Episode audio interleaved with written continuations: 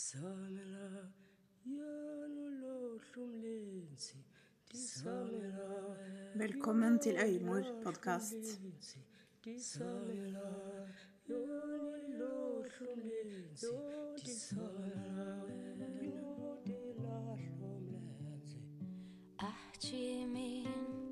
Mitt navn er Silje Nikoline Runesdatter Kvalheim, og jeg er din vert. Øyemor podkast er et fellesskap for og med kvinner for å dele livsvisdom, erfaringer og ressurser rundt fødsel og morskap, og om å reise seg etter kamper i mørket. Øyemor er et begrep som ble brukt i Sápmi om tradisjonelle jordmødre og medisinkvinner. En kvinne som kunne se inn i sjela til fødekvinner og med trygghet og kjærlighet støtte henne inn i det ukjente. Både nytt liv og død. Jeg er mor, fødselshjelper og lysarbeider, og min sjels arbeid i dette liv er å støtte kvinner under og etter fødsel, og styrke deres ville natur og deres eierskap til egen kropp og egne historier. Jeg tror at gjennom å dele vår visdom og våre historier skaper vi en verden for våre barn hvor kvinner kan oppleve støtte, kraft og det å bli holdt. I bakgrunnen hører du Mari Boine sammen med Madosini. Velkommen til Øyemor podkast.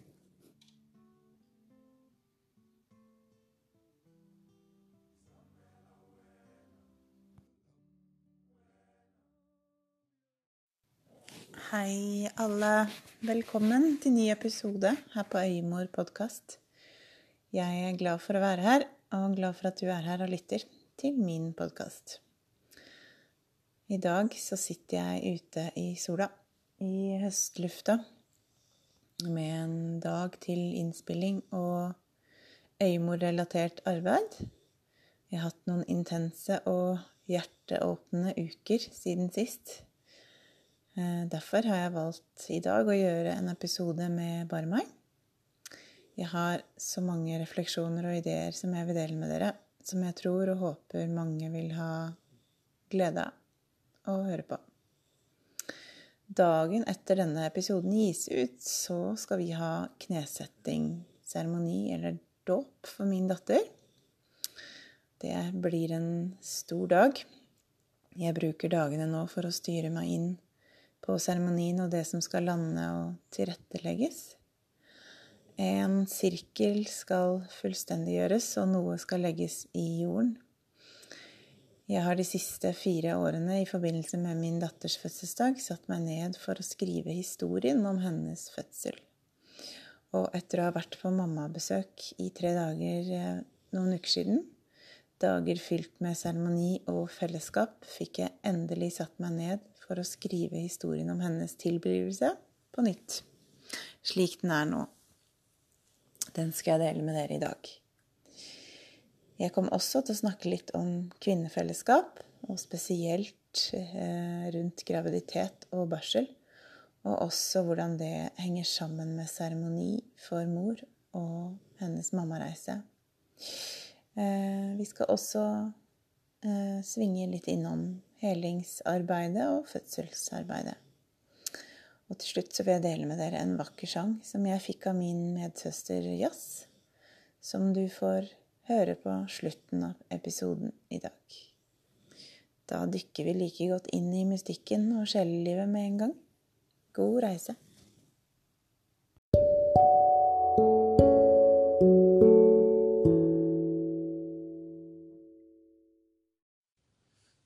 Det er en stund siden nå at jeg har gjort en episode med, med bare meg. Jeg gjorde jo de to første episodene av podkasten som handla om min fødsel og barseltida. Eh, først fordi jeg ville bruke det som en introduksjon. Og det, er, det er jo var og er også både inspirasjon og grobunnen til denne podkasten og det arbeidet jeg gjør i dag. Samtidig så er jo den historien om eh, ens egen fødsel eh, og barnets fødsel en historie som hele tiden formes og eh, har mange lag. Så den historien som jeg fortalte dere for eh, en del måneder tilbake, den har en litt annen fasong og en litt annen plass i meg i dag. Og sånn er jo livet. Det er jo ikke sånn at man eh, føler at det vil forandre seg kanskje når man står i, i den eh, sorgen over en fødsel som har eh, eh Som bare var vond. Nå får, har jeg fått en del henvendelser av kvinner som ønsker å bearbeide og ønsker hjelp til de vanskelige fødslene mange år etterpå. Og, og det er vel litt fordi man kjenner, kjenner at de har, en, har og tar en stor plass. Og samtidig så er jo det eh, En fødsel er noe vi har med oss hele livet, og det er noe som former oss, bevisst og ubevisst, og sånn skal det vel være. Men det kan være fint å vite når man står midt i den helingsprosessen, at det er en prosess som alle andre prosesser som er i forandring. Og jeg husker meg sjøl for eh, ja, i fjor vinter, liksom. Jeg husker jeg var på en sånn hjemmeskoletreff på Nesodden og møtte en mor som hadde slitt veldig etter fødsel, noen år etter fødselen selv. Eh, dessverre så er jo det så vanlig, selv om det på en måte ikke bør være sånn. Så, så er det så vanlig, dessverre. Og da husker jeg hun hadde på en måte fortalt litt om det at hun hadde kommet seg igjen, da. Eh, og da husker jeg jeg bare kjente med hele meg at jeg kan ikke forstå at jeg noen gang kan klare liksom å dra meg opp. Jeg følte meg så utrolig tung.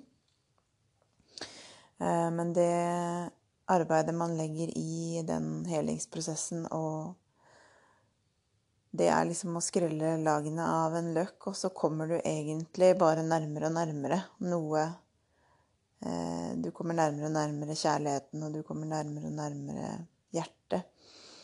Så det som eh, føles som å grave liksom huet i gjørma, det er jo egentlig ofte å ta vekk gjørma og støvet, sånn at man ser lyset igjen.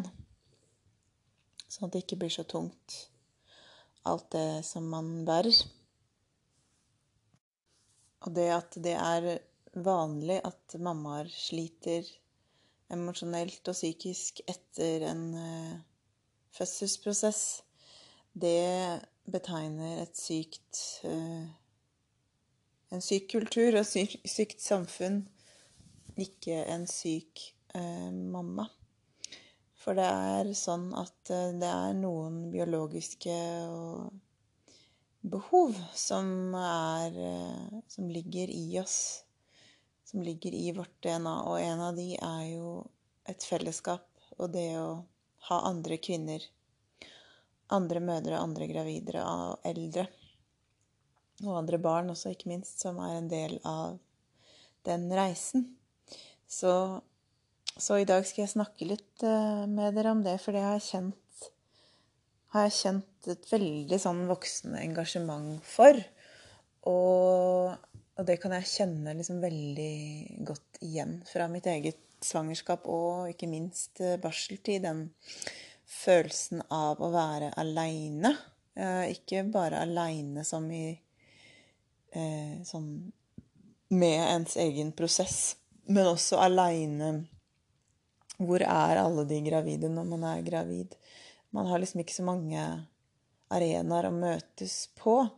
Så det har jeg lyst til å gjøre noe med. Jeg har virkelig lyst til å skape flere arenaer for gravide, hvor gravide kan møtes også med andre mammaer. For det er noe med kollektive, det kollektive arbeidet vi har sammen som mødre, å være for andre mødre det vi vil at de skal være for oss. Og det kan man gjøre på forskjellige måter, og det har jeg litt lyst til å snakke litt om i dag. Um, men først så skal jeg bare Jeg begynte litt å snakke om fødselen. Um, og så har jeg bare lyst til å um, flette det litt inn i den dåpen og den knesettingsseremonien som vi skal ha. Når jeg selv var gravid, så var det liksom en av de ønskene som var veldig tydelig for meg. At jeg ville ha Jeg ville liksom oppleve både det å være i seremoni når jeg var gravid, og, og også etterpå. Eh, for jeg hadde sånn veldig sånn sterk eh, følelse for det, uten å egentlig klare å helt sette liksom ord på hvorfor jeg ønska det. Men det er jo en måte å, å, å belyse og markere en, en stor livsprosess, en livsendring. Eh, og det er jo noe de fleste gravide kjenner på, at kroppen tar helt liksom ukjente nye veier og former. Eh, og ved å liksom belyse det og sette en intensjon rundt det, så kan det tydeliggjøre den prosessen litt og gjøre den litt enklere. Ehm, så jeg hadde en veldig sånn tydelig motivasjon for det, men det var vanskelig å finne. Jeg fant jo Sister Morningstar, og hun gjorde en liten seremoni for meg når jeg var gravid. Og den husker jeg og vil bære med meg resten av livet. Um, og og det var også en stor, og er en stor ønske og inspirasjon det å kunne gi eh, At, at Indra, datteren min, kan få vokse opp med seremonier. Og at, at, vi gjør ære på hennes livsprosesser og overganger fra, fra liten til voksen kvinne. Så den dåpen som vi skal ha for henne, har vi valgt å kalle en knesettingsseremoni. Det kommer fra norrønt, og det handler om å sette barnet på kne og si hvor barnet hører hjemme. Og for oss så hører hun hjemme til mye mer, mye mer enn bare oss, og mye mer enn bare de menneskene hun har rundt seg, og det det menneskelige fellesskapet. Men hun hører også til naturen, hun hører til elementene, hun hører til dyrene, hun hører til Gud. Så det, så det er jo på en måte å ytre den intensjonen for henne og for eh, alle rundt. Men, men også så har jeg kjent veldig på det at det Vi har jo ikke feira Indra vi har vært i prosesser, og vi har vært eh, med henne og vært eh, en familie og bygd et nytt liv. Men vi har ikke markert hennes eh, eh tilblivelse og eh, inngang eh, inn i, inn i livene våre. Og det har jeg kjent veldig for at det vil jeg gjøre nå. Så jo nærmere den dagen kommer, så jo mer eh, faller ting på plass. Og det er liksom en sånn eh, kanal som åpnes, eh, så jeg får innsikt fra naturen og universet på hvordan ting skal være, og hvem og, og hvilken form. Og det er utrolig, en utrolig sånn givende og vakker prosess som jeg kjenner jeg er utrolig takknemlig for. Og jeg har fått med meg noen skjønne medsøstre som skal være med og holde det rommet for oss. Og det er også en veldig sånn klar og tydelig markering for meg på at det er en ny retning og en ny vei nå framover. For jeg har vært altfor uh, for mye aleine i den prosessen her, og uten uh, uten eh, speil og uten medsøstre. Så, så det er veldig stort og veldig sånn hjerteåpne og rørende å vite at jeg har eh, fire himmelretninger og fire søstre som skal være vitne til den prosessen og eh, fødselen som skjer da om noen uker nå. Og før eh, alle kommer, eh, så skal vi også ha en morkakeseremoni. Jeg eh, tok jo vare på morkaka. Eh, vi klipte ikke navlestrengen til Indra før det hadde gått over et døgn.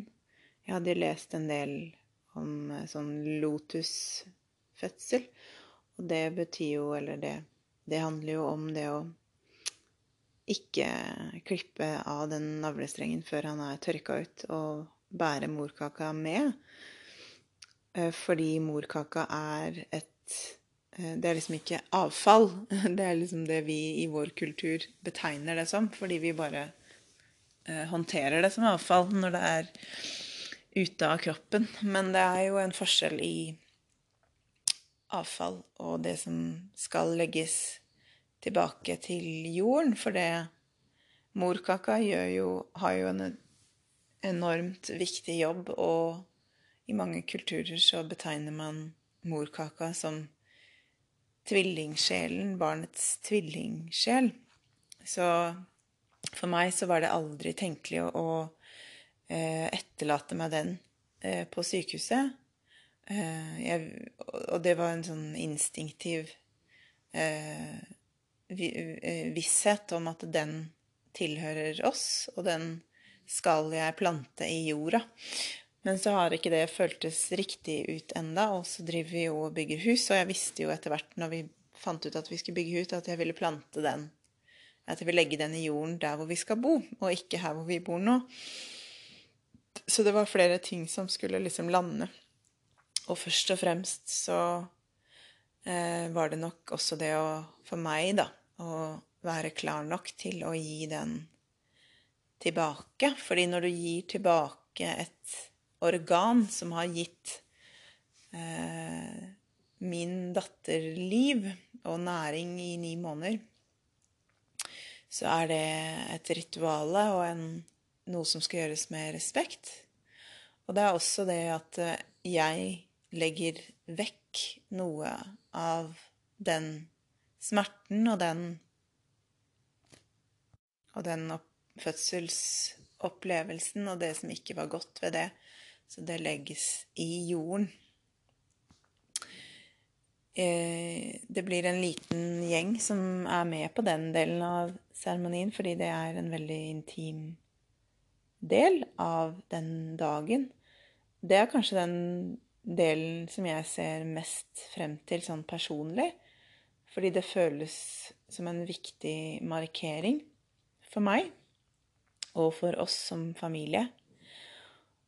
Og de som skal være med på den innerste sirkelen, det er de som kan romme den intimiteten og de følelsene som forløses i det øyeblikket. Og så har jeg jo kjent en del på det om jeg skal invitere min mor. Og min mor og jeg, vi har jo hatt en lang reise også den siste tida, ettersom min prosess og min heling har tatt form, så har vår relasjon endra seg, og mye av det som jeg har tenkt har vært sannheter som uh, har vært veldig sterke overbevisninger i meg, har uh, eh, skifta litt form og Eh, ligger litt Sitter litt annerledes i kroppen min i dag enn det har gjort egentlig resten av livet. Så har jeg kjent på det at jeg vil invitere henne med i den seremonien. Og det er ikke en seremoni Hun er ikke vant til å være med på seremonier og, og, sånn, men hun, eh, hun har hatt glede i å bli invitert og bli spurt av oss og jeg kjenner jo også veldig på det at det å gravlegge morkaka for oss, det er eh, ikke noe som jeg gjør bare for meg. Fordi det er en generasjonell eh, forløsning som skjer i den prosessen som, som vi har eh, gått, den reisen vi har gått. Det er en forløsning av meg som kvinne og som mor og det arbeidet jeg gjør og er skapt til å gjøre på denne, i dette livet på, på denne jorda. Men det, er, men det er i relasjon til og i samarbeid med alle de kvinnene som har gått før meg. Så når den morkaka legges i jorda, så legges de traumene, de smertene og den følelsen av utrygghet som har gått i generasjoner, det er den som legges i jorda. Og den legges i jorda ikke død, men den legges i jorda for å gi eh, vekst til nytt liv. Så eh, Så vi står i sirkel sammen med alle de i min morslinje som har gått veien før oss. Og det før meg og før oss, mine, mine røtter. Så det er en stor, stor ting å eh, gjøre, og det er noe som påvirker meg og oss bakover i tid og framover i tid. Så derfor vil jeg invitere min mor, for hun har sin historie og sin relasjon til sin mor og sin barndom og fødsel osv. Og, og jeg tror at det er jo det som er med seremoni, at det er ting i oss som gjenkjenner, som kanskje er ubevisst. Så jeg er sikker på at hun vil gjenkjenne noe i den settingen som vil gi henne heling på hennes reise.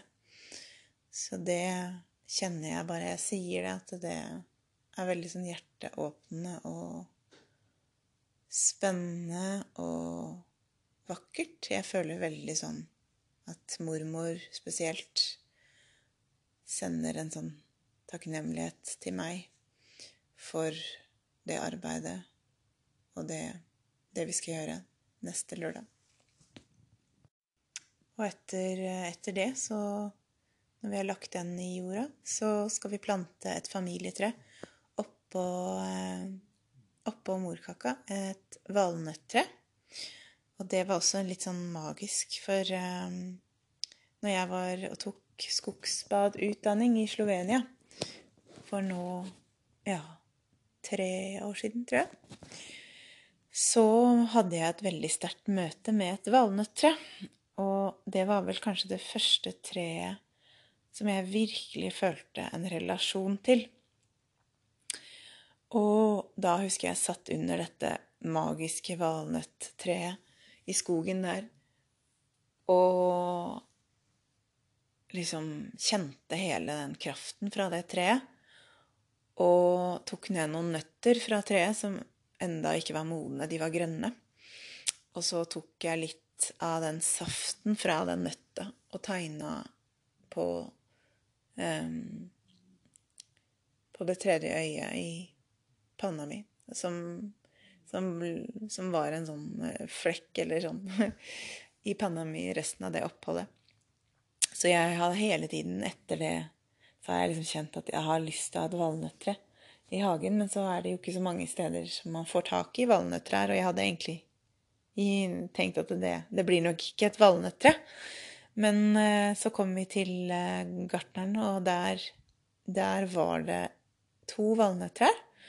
Og vi tok med oss det ene valnøttreet. Så det skal vi plante som familietre oppe på en sånn seremoniplass som vi driver og planlegger uh, rett ovenfor huset hvor vi bygger, bygger, nå. Så der skal det bli mange, mange seremonier og mye kvinnefellesskap, og det skal uh, Da skal den morkaka ligge i jorda som som eh, grunnlaget for ny vekst og frodighet. Når vi har eh, gjort det, så skal vi har jeg bare lyst til å fortelle dere litt om seremonien videre som inspirasjon til andre. For det, det, er så stor Det er så stort, det der med seremonier. Og det litt, kan være litt vanskelig å liksom se for seg hva det er eh, en seremoni kan være hvis man skal utvikle og lage den selv. Så Det var derfor jeg bare hadde lyst til å gi litt inspirasjon videre, for det er noe jeg tror alle mammaer kan kan eh, sette seg liksom eh, Koble seg på, og kanskje med litt hjelp av noen som har gjort det før. Så etterpå så skal vi lage et bål for, for Indra. Så kommer gjestene, og vi samles i sirkel rundt bålet. Og da er det liksom flere ting som vi skal gjøre. Vi eh, har invitert alle til å ta med en liten perle, så vi skal lage vi skal samle inn en perle fra alle gjestene, som vi skal lage et lite kjede til Indra til. Og, og så skal vi plante hennes tre. Og det blir et pryd epletre. Og jeg har vokst opp med et flott prydepletre i hagen i det gamle huset hvor jeg vokste opp. Og det blomstrer på våren med nydelige sånne rosarøde blomster. Så det blir hennes tre. Og hun gleder seg så fælt. Og, og når vi kjøpte det, så satte hun seg ved siden av treet og, og øh, holdt rundt det og sa 'det er mitt tre'. Så hun gleder seg veldig til det. Og da skal alle være med å eh, legge jord eh, rundt treet. Og så har vi kjøpt noen eh, tulipanløker som barna skal få. Som vi skal plante rundt treet.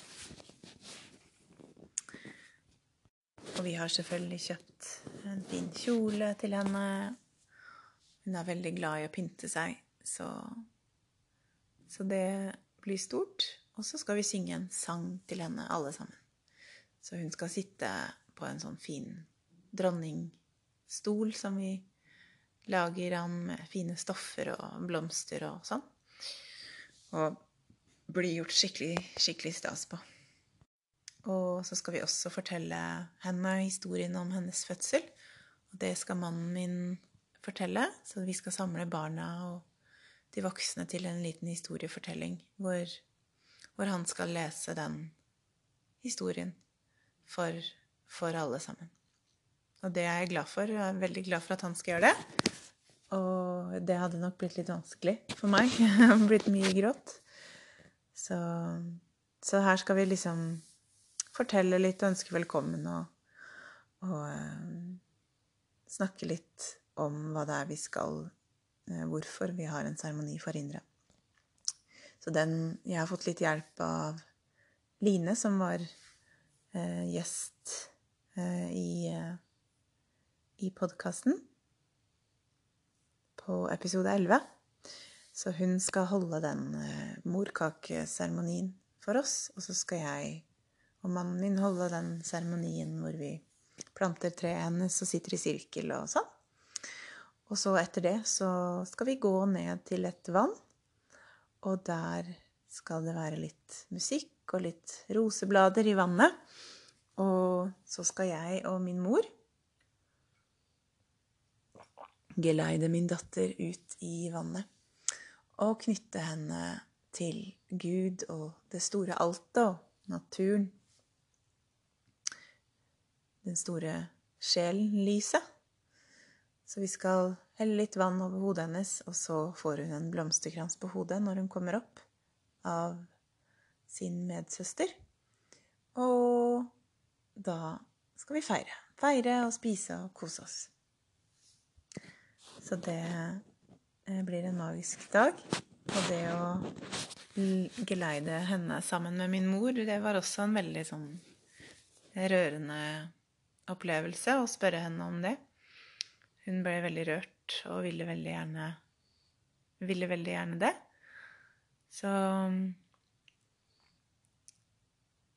Så det, det, det lines opp til å bli en veldig magisk og veldig, veldig fin dag. Og jeg gleder meg utrolig mye til, til den dagen. Samtidig så kjenner jeg at det er veldig mye følelser og mye som settes i sving i, eh, i, det at det kommer nærmere og nærmere. Det er liksom noe som skal settes ord på, og en skal gi slipp på, på noe og omfavne, omfavne noe annet. Og omfavne kjærligheten og Indra og og det, det positive og det nye livet. Så det Selv om det er fire år siden, så kjennes det nært, nært ut.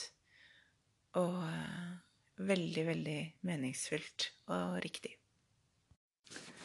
Da har jeg lyst til å fortsette å snakke litt om det med seremoni i forhold til den morsreisen, med spesielt graviditet og barsel.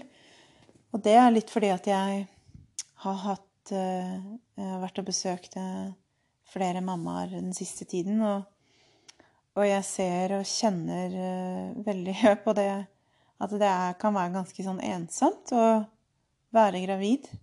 Og spesielt hvis man kanskje ser på den reisen som en åndelig reise også. At det er liksom Det er så mye som skjer på et følelsesmessig og, og spirituelt plan. Og i vår tid og i vår kultur så, så, er det jo ikke sånn at når man går til legen, eller når man snakker med mann, mann eller kvinne i gata, at det, at det kanskje anerkjennes. Eh, så det er ikke så mange det, det er ikke så mange speil hvis man ikke har gode medsøstre som kanskje også har vært på den reisen før, da. Så kan det være eh, ensomt å være gravid, fordi man har en Det er en sånn eh, Det er jo også noen uh, At det ligger noen kollektive liksom, overbevisninger og, om hva en, et svangerskap skal være. At det er en sånn sukkersøt reise.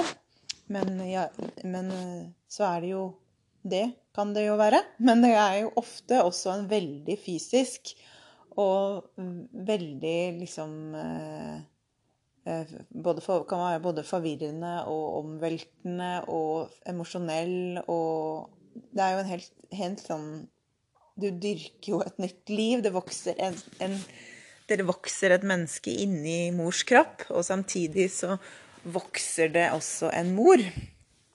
Så den prosessen er jo eh, utrolig stor. Og det er jo sånn i vår tid at det rommet der for å snakke om de dypere reisene, de må man på en måte oppsøke eller skape. Det er ikke alle som har et så, så nære venner eller sånn at man på en måte havner i det, den dialogen så lett. Um, Sånn at det, det, å ta det på alvor, eh, det tror jeg nok er en investering og også en forvarsel om, om barseltida. For, for, eh, for, den også har jo litt av de samme, av de samme utfordringene. Eh, litt ut fra hvordan fødsel og, og fødselsopplevelse man har, så, så, kan uansett den tiden være, være og er utfordrende. Så ved å, ved å eh, arrangere eller ha, ha seremoni i, i barseltida, eh, noe som jeg brenner veldig for og tilbyr de eh, mammaene som jeg eh, følger opp, eh, så eh, er det en måte å liksom invitere inn ens, eller mors, da, fellesskap. Slik at de kan få en, få en del kan få være med på mors eh, reise.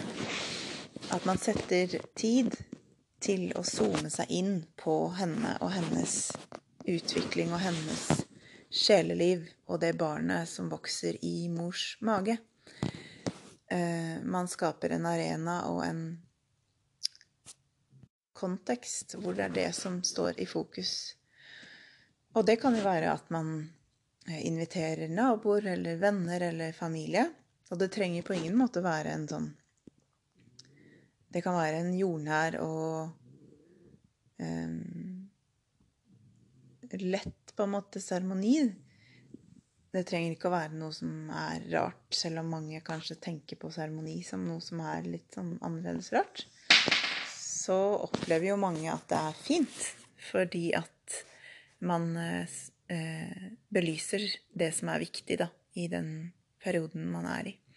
Så det, når, ikke, når ikke samfunnet på en måte gir det automatisk i de møtene, menneskemøtene man har, så kan man skape settinger gjennom seremonier for, for, for å føle seg møtt.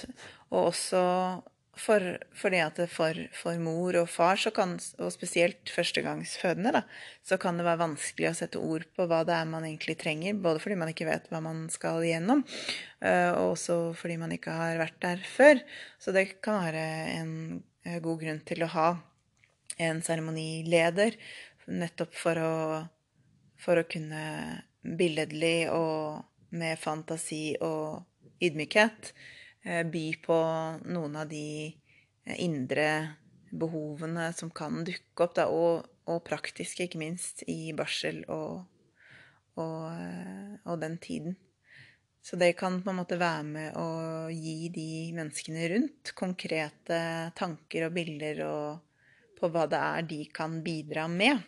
Sånn at de blir involvert. De blir trukket liksom inn i, i den reisen.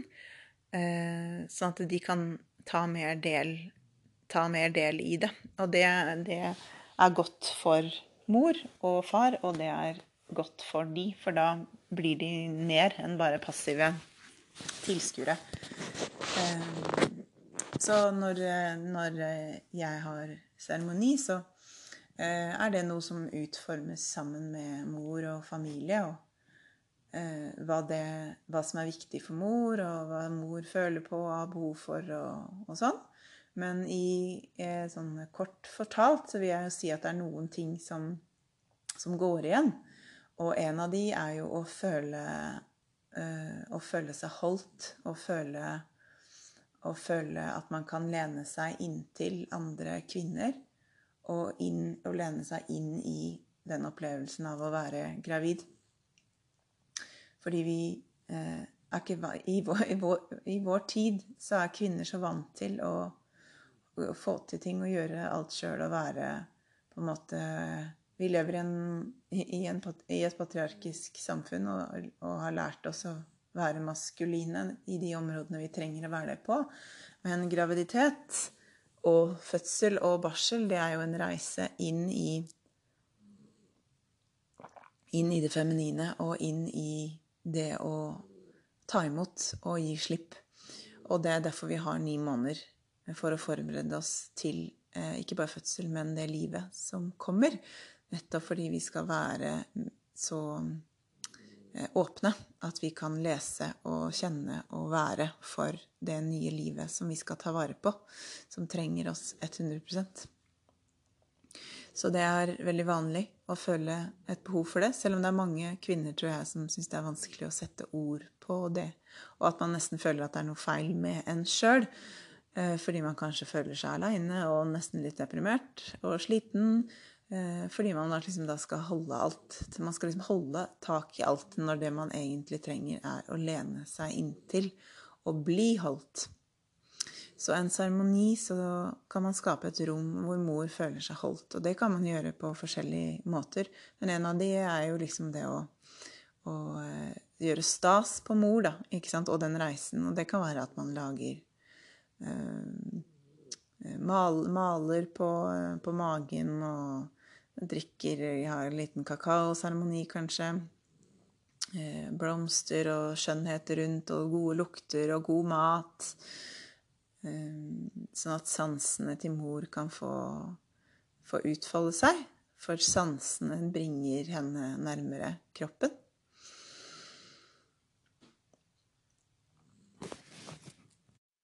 Og også omsorg. Og det er jo den øyemorrollen, og det er det som er mitt livs engasjement. Det er det at fødsels og barsel og graviditetsomsorg handler om omsorg. Det handler om å være en medsøster, og det handler om å se og kjenne og ta på og stryke og virkelig gi eh, kjærlighet til mor, slik at hun kan få hvile og slappe av og føle seg sett, og at nerve, nervesystemet kan få hvile. For når nervesystemet hviler, da er det lettere å åpne seg. Å åpne oss, det er noe vi skal når vi føder. og blir mødre. Det å kunne samle noen søstre, og om det er rundt bålet, eller om det er hjemme, og kunne massere litt og høre på litt fin musikk og liksom Ja. Det er, kan jo være et alternativ til, eh, til disse eh, Hva heter det? Showersene, eller hva man kaller det. Hvor det handler om gaver og liksom et sånn litt annet eh, tempo, eller Ja. Så det å liksom zoome, inn på mors in, intuitive og instinktive behov for å hjelpe henne å komme dypere ned i, i rotet. Og det, og det andre som jeg ser, det er jo eh, å bruke naturen som en liksom, portal. Og når jeg sier det, så sirklerer det to uh, hauker over her. Wow, fantastisk. Ja. Så det er liksom det der å ha overblikk eh, og gi eh, Være i kontakt. Så gjennom å være i naturen og bruke sansene i naturen, det er noe jeg jobber mye med. Når jeg har skogsbadvandringer, så jobber vi med å roe ned systemet og koble oss virkelig på skogen. Og skogen har et helt annet tempo. Det er liksom at det er på en måte å koble seg på et annet univers enn det, det mm, systemet som vi lever i, hvor det er så mye fart og, og tempo hele tiden. Så ved å koble oss på skogen, så, så har vi en veldig sånn lett måte å være i kontakt med sansene våre og kroppen vår. For ikke snakke om jo oftere og jo mer og jo dypere man går i den kontakten, så går du dypere og dypere inn i din kontakt med deg selv. Så det er liksom ikke sånn én gang og ferdig. Eh, en gang kan være godt, og en gang kan være det riktige. Men samtidig så er det en, en praksis. Det er som meditasjon. Så du kan sette deg ned en gang og få utbytte av det. Og jo mer du, du setter deg ned, jo mer du er, er i det moduset, jo, jo mer frukter kan du hente. Så vi skal jo i kontakt med den ville, den ville naturen der hvor hodet ikke får bestemme. Og det kan være en lang reise. Og kanskje for mange er den lengste reisen i hele livet. Å ta den fra hodet til hjertet og inn i kroppen og ned i rota. Og det vil vi jo gjerne se at skjer i svangerskapet. At man kommer lenger og lenger ned i kroppen. Og det er jo en sånn energetisk eh, gjenkjennelse. En kjenner, en, en kjenner at nervesystemet slapper av. Man gjenkjenner at et mors nervesystem er avslappa eller ikke gjennom, gjennom seg sjøl. Så gjennom å være og tilbringe tid i skogen og gjøre seremoni i skogen med elementene og med venner og familie, så kommer vi også på en måte i kontakt med den reisen til mor, og hvordan vi som eh, Vi kan være støttespillere for mor. Så det hele handler egentlig om at man legger til rette for et eh, nærere fellesskap da, gjennom de seremoniene man har, som igjen er en investering eh, til barseltida. For da har disse menneskene fått vært litt mer med i den reisen. Så det er enklere å vite hva det er mor trenger. Og det er også eh, det som er fint med å ha en utenforstående også, til å kunne liksom belyse og sette ord på noen av de behovene som er mer eller mindre biologiske i den prosessen. Og så, da, så går vi jo inn i barseltida og fjerde, fjerde termin, og og det å bruke svangerskapet også til å virkelig planlegge barseltida best mulig, sånn at eh, man kan få den støtten og det man trenger. For at man trenger støtte i barseltida, det, det er Jeg skal ikke si sikkert, men det er i hvert fall veldig, veldig vanlig. Så eh, at man klarer å sette ord på, og kanskje også få hjelp av noen, en, en, en eh, barseldoula, eh, eh, som jeg er, til å eh, med de forutsetningene og med den, med den måten man lever på, da. Og eh, sette opp et, eh, en plan på hvordan man kan gjøre det best mulig. Og, og det kan være Det kan handle om mat, det kan handle om ulike behandlinger, det kan handle om folk i ditt nærmiljø som kan komme og, og avlaste, så du kan få sove. Og også støttepersoner for deg og støttepersoner for far. Så at man lager eh, en, eh, et kollektiv rundt som kan bidra eh, på forskjellige måter. Og, for da har man på en måte forberedt seg. Eh, det- er vel kanskje vel så viktig som å forberede seg på fødsel. Så er eh, Eller det er like viktig. Like viktig begge deler. Um, men der setter du virkelig eh, Der legger man Hvis man planlegger det på en god måte, så investerer man i ens egen helse, barnets helse, og din langsiktige helse, og familiehelse for de kommende årene. Så det er eh, undervurdert og kjempeviktig eh, del av, eh, av, eh, av svangerskap og, eh, og den reisen som følger. Da, dere, tror jeg jeg skal eh, avrunde. Og avslutningsvis i dag så skal dere få høre fødselsfortellingen som jeg skal lese, eller som mannen min skal lese til min datter på hennes knesettingsseremoni. Og eh, etterpå så får dere høre en vakker eh, låt som eh, er sunget av River Bear Medicine. Albumet heter Gratitude, og sangen heter Prayer for the People. En fødselshistorie kan skrives mange ganger, fordi den har så mange lag. Og historien om hvordan Indra kom til oss, er et eventyr med mange synlige og usynlige mennesker og dyr. Og hvis du vil bli kjent med alle de, må du bli med litt bakover i tid, til et sted hvor avstanden mellom himmel og jord er tynn. Et sted hvor stjernestøv, regnbuer, enhjørninger og vise kvinner og menn vandret barbeint på jorden. Et sted hvor tid og rom opphører. Et sted hvor alt er mulig.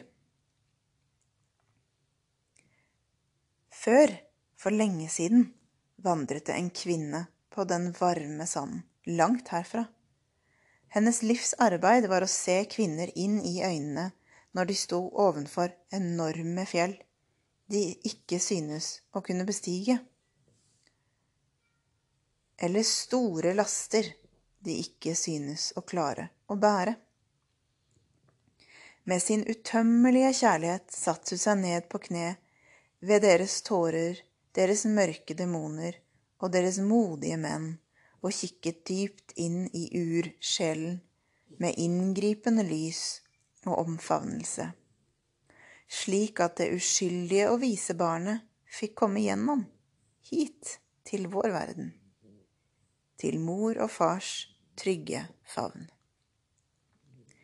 Slik ledet hun veien for de bak henne, menn som kvinner, slik at mennene kunne stå i sin stolte prakt, i sterke hjerter, mens verden skulle brenne rundt de, og bære frem barna til de menn som skulle bære byrder større enn vår tankeevne.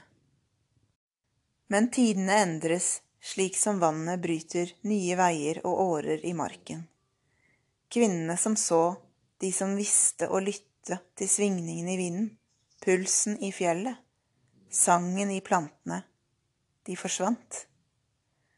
Eller så gjemte de seg i, himmelige, i hemmelige ganger og tunneler sammen med vettene og feene, markene og edderkoppene, til det en dag var trygt nok å føre hånden over de uformelige og uforutsigbare dalene i landskapet. Hysj, helt stille, Helt stille måtte de være.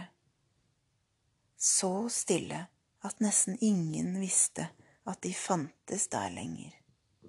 Så stille at de nesten ikke kunne puste. Men i de stille nattestimer hvor månen fyller himmelen, og ulvekvinnen samler sammen benrester fra alle folk, tennes et lite bål ute i skogen.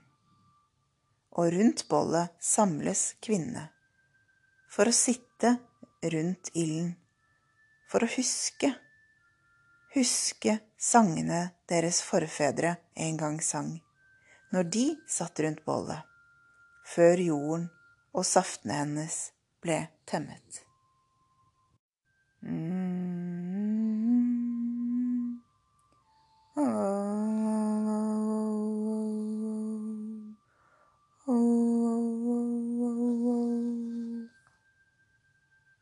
Sånn sang de, og lette etter tonene, lette etter tonene som etter hvert trilla fram på tunga.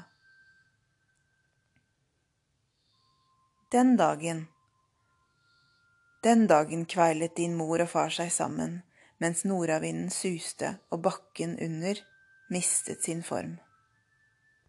Den dagen fløy en stjerne med navnet Indra med sine kraftige ørnevinger inn i et lite øyeblikk i den store evigheten.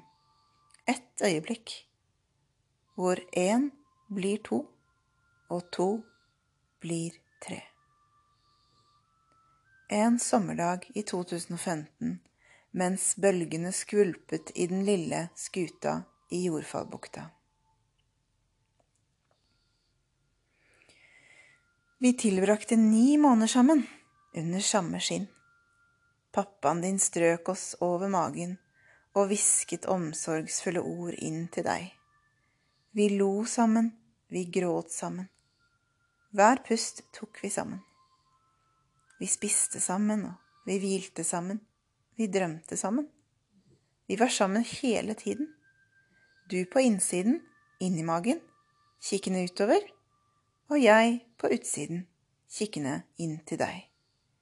Den mystiske stjernesjelen som hadde valgt oss.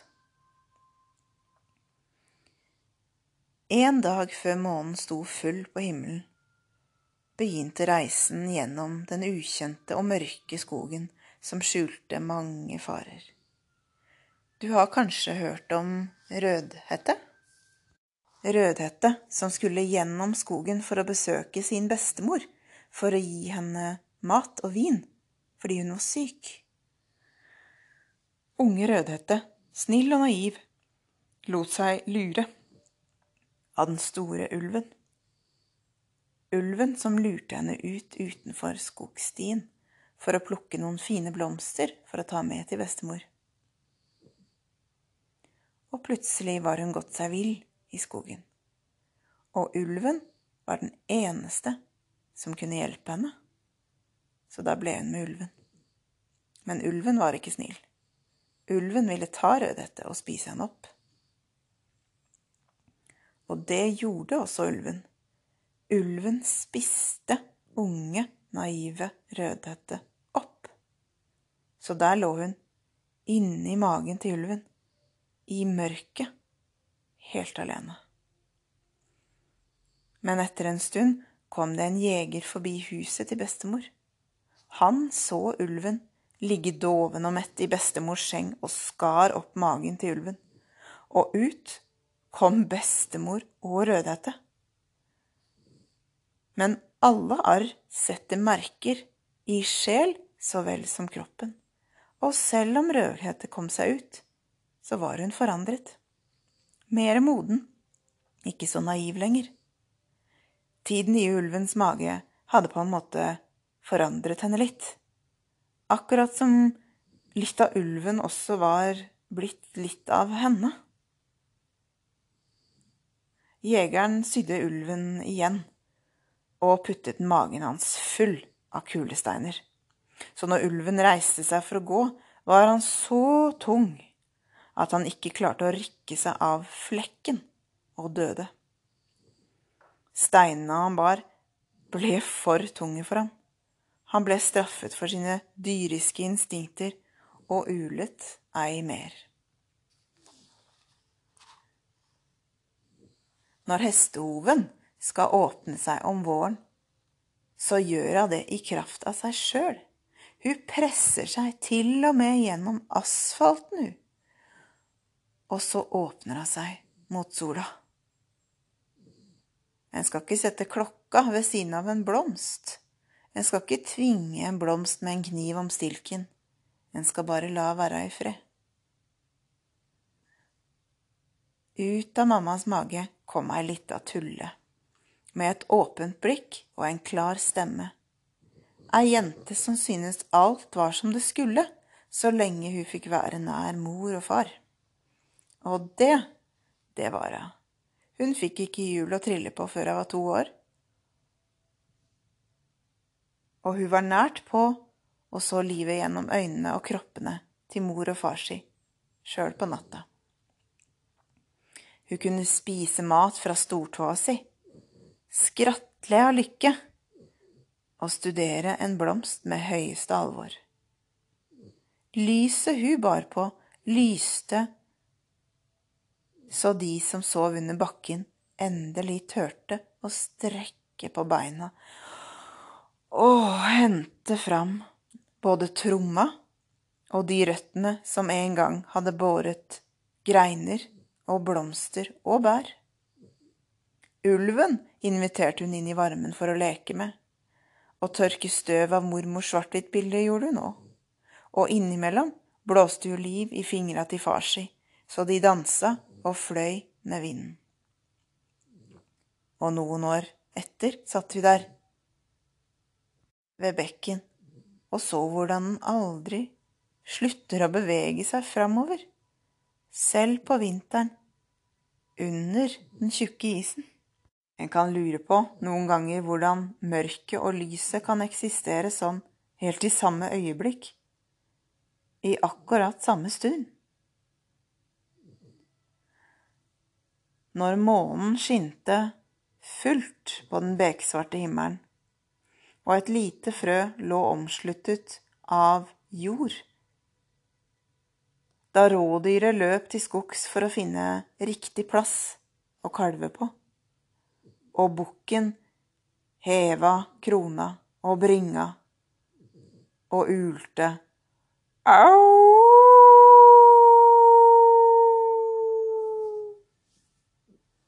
Da, da ble du født.